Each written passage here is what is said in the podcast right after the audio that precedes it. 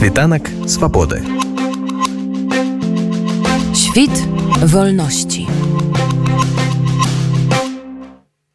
Міжнародны эканамічны форум у карпачы праводзіцца штогод. Сёлета ён будзе 32м па ліку і яго дэвіз новай каштоўнасці старога кантыненту Еўропа на парозе змен. Гэты дэвіз перагукаецца з тым пасылам, які плануе праставіць на панельнай дыскусіі, як зрабіць спорт больш прыбытковым Анатоль Котаў. Бо ён намераны казаць аб неабходнасці таго, каб прыбытак у спорце быў сумленным разважаць на гэтай панелі на трошки іншую тэму як зрабіць спорт больш адпавядаючым каштоўнасцю скарыстацца удзелам у гэтай панелі каб разважаць на тэму што на жаль зараз народная спартовая супольнасць міжнародны алімпійскі камітэт і іншыя структуры яны не занялі адназначную пазіцыю у справе войны супраць Украіны і фактычна працягваюць зарабляць на спартовых спаборніцтвах з удзелам прадстаўнікоў краін агрэсараў працягваюць на гэтым зарабляць. Такі трошки крывадушны падыход завесе спорт па-за палітыкай а насамрэч просто працяг того что ідзе заробак на удзеле спартоўцаў якія адкрытасці прыхавана падтрымліваюць вайну чаго быць не павінен. Больш што калі падыходзіць да спорту як да аднаго з відаў бізнесу то бізнесе таксама ёсць пэўныя стандарты і падтрымка войны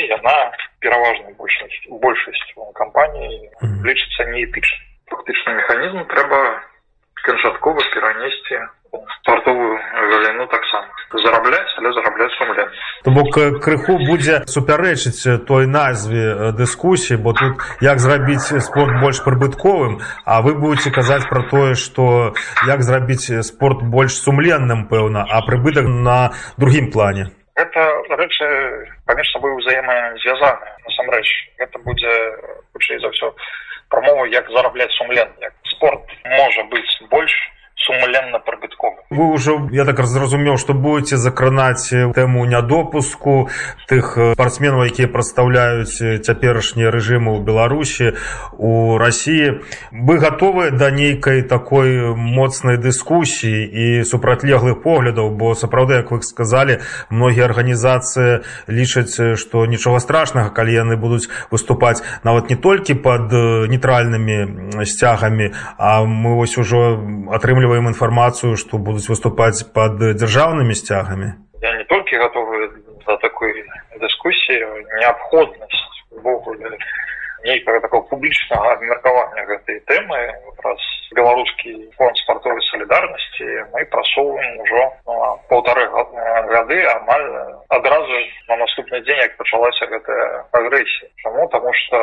давочна абодва рэжымы выкарыстоўваюць спорт і спортсменаў у якасці сваёй прапагандыйскай зброі таксама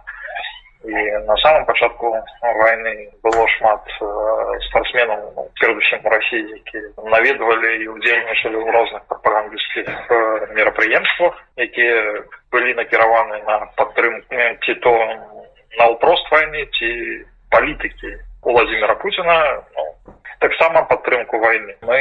распрацавалі і у красавіку 22 года ухвалілі такія документы якія назвалі антываеннай дэкларацыі у некалькіх краінах польльши падпісанне якога з'яўляецца абавязковым для допуску да удзелу спаборніцтвах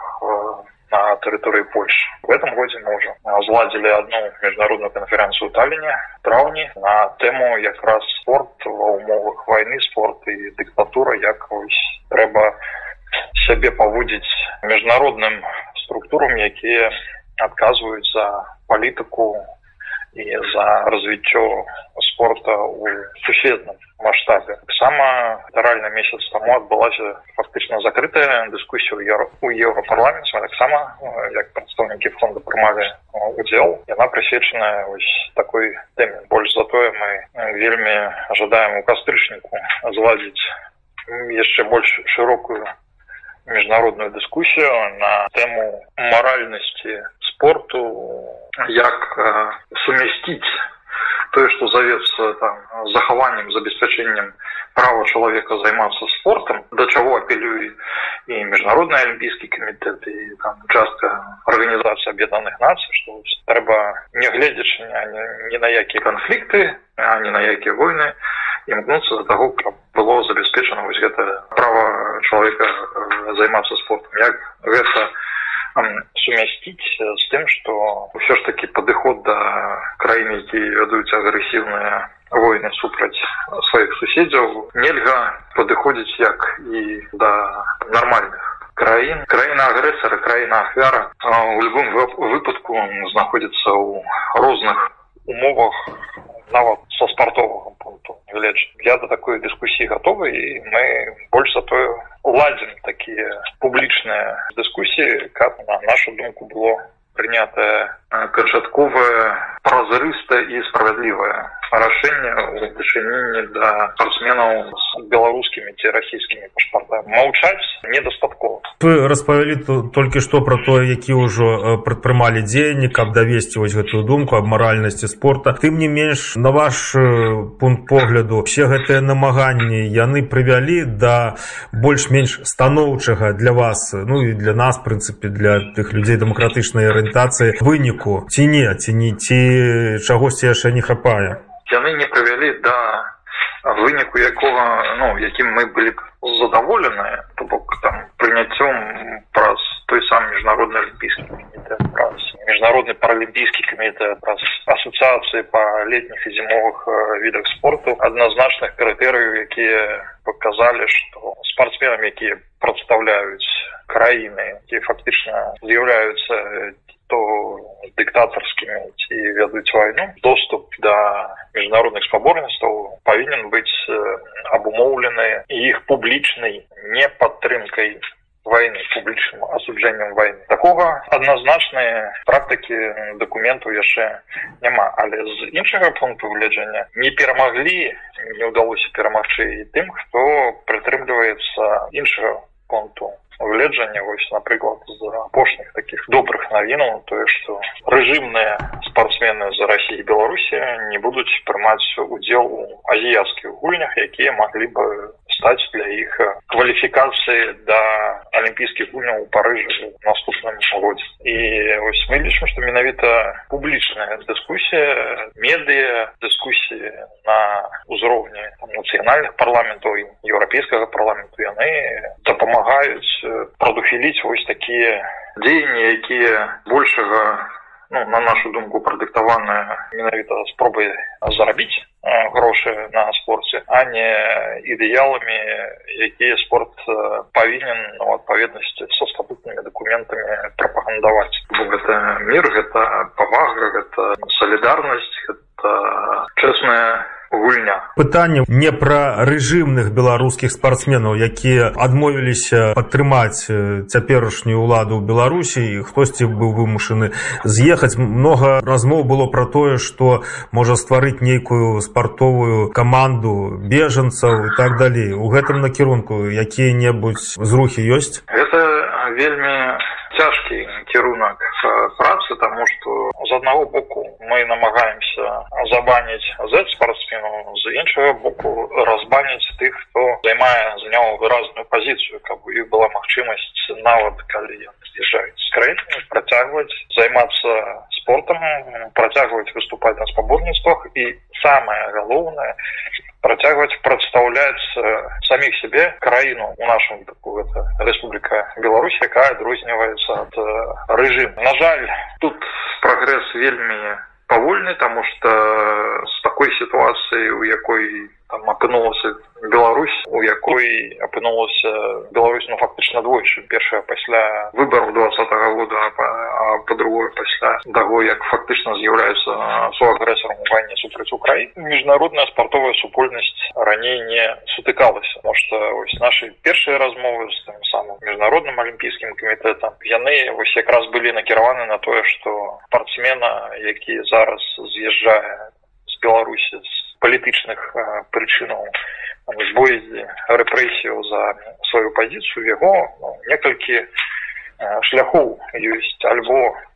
кінуць займацца спортам альбо фактычна пераходзіць у іншую нацыянальную каманду. Як апошні прыклад Крысціна Смановская альбо а, намагацца патрапіць у каманду бежанцу і вось усе гэтыя шляхі яны нас як фонд спартовой солідарнасці яны не задавальняюць потому что скончыць кар'еру шмат хто з'ехаў у яе самом пачатку альбо росквіце спортсменам цяжка перакваліфікавацца адразу у нейкую заняцца нейкай звычайнай працай у бежанцы падавацца вельмі складана па-першае патрапіць у гэтую каманду а по-другое там беларускія ну беларусы за мяжой яны гэты статус. Бежанцы не, не вельмі любяць ёсць іншыя больш простыя спосабы легалізацыі а пераходзіць у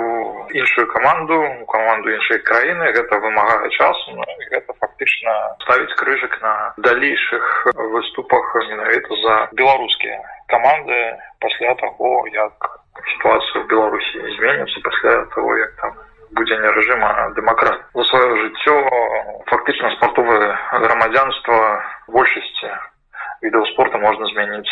один раз бо гэта час. Это праца і такая рэгламентацыя мы казалі аб что менавіта для беларускай сітуацыі не толькі для беларускай мабыць а для падобных сітуацый у будучым трэба нейкі такі трэці ці чацвёрты шлях выпрацаваць пасля войны мы завем гэта камандай міру фактычна чаму